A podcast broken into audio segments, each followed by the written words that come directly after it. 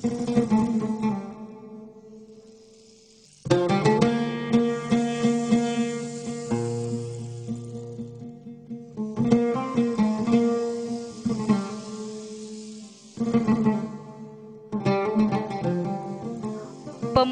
hitam legam itu merupakan salah seorang Muslim yang paling banyak menerima penyiksaan, kekejaman, dan kengerian daripada golongan musyrikin dan algojo-algojonya.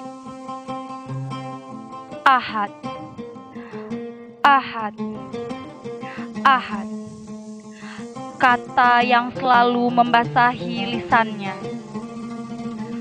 Kekerasan dan pukulan algojo-algojo itu tak membuat ia menyerah.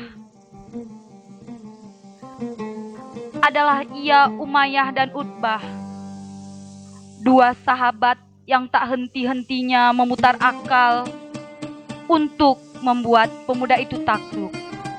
Namun takdir berkata lain.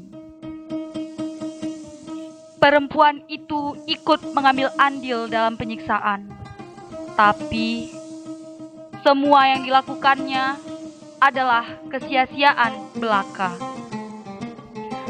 Bila disebut nama Abu Bakar, maka Umar akan berkata, "Abu Bakar adalah pemimpin kita yang telah memerdekakan pemimpin kita." Inilah sebuah kisah anak manusia, dan siapa kiranya seorang Habsyi yang kemarin menjadi budak belian ini.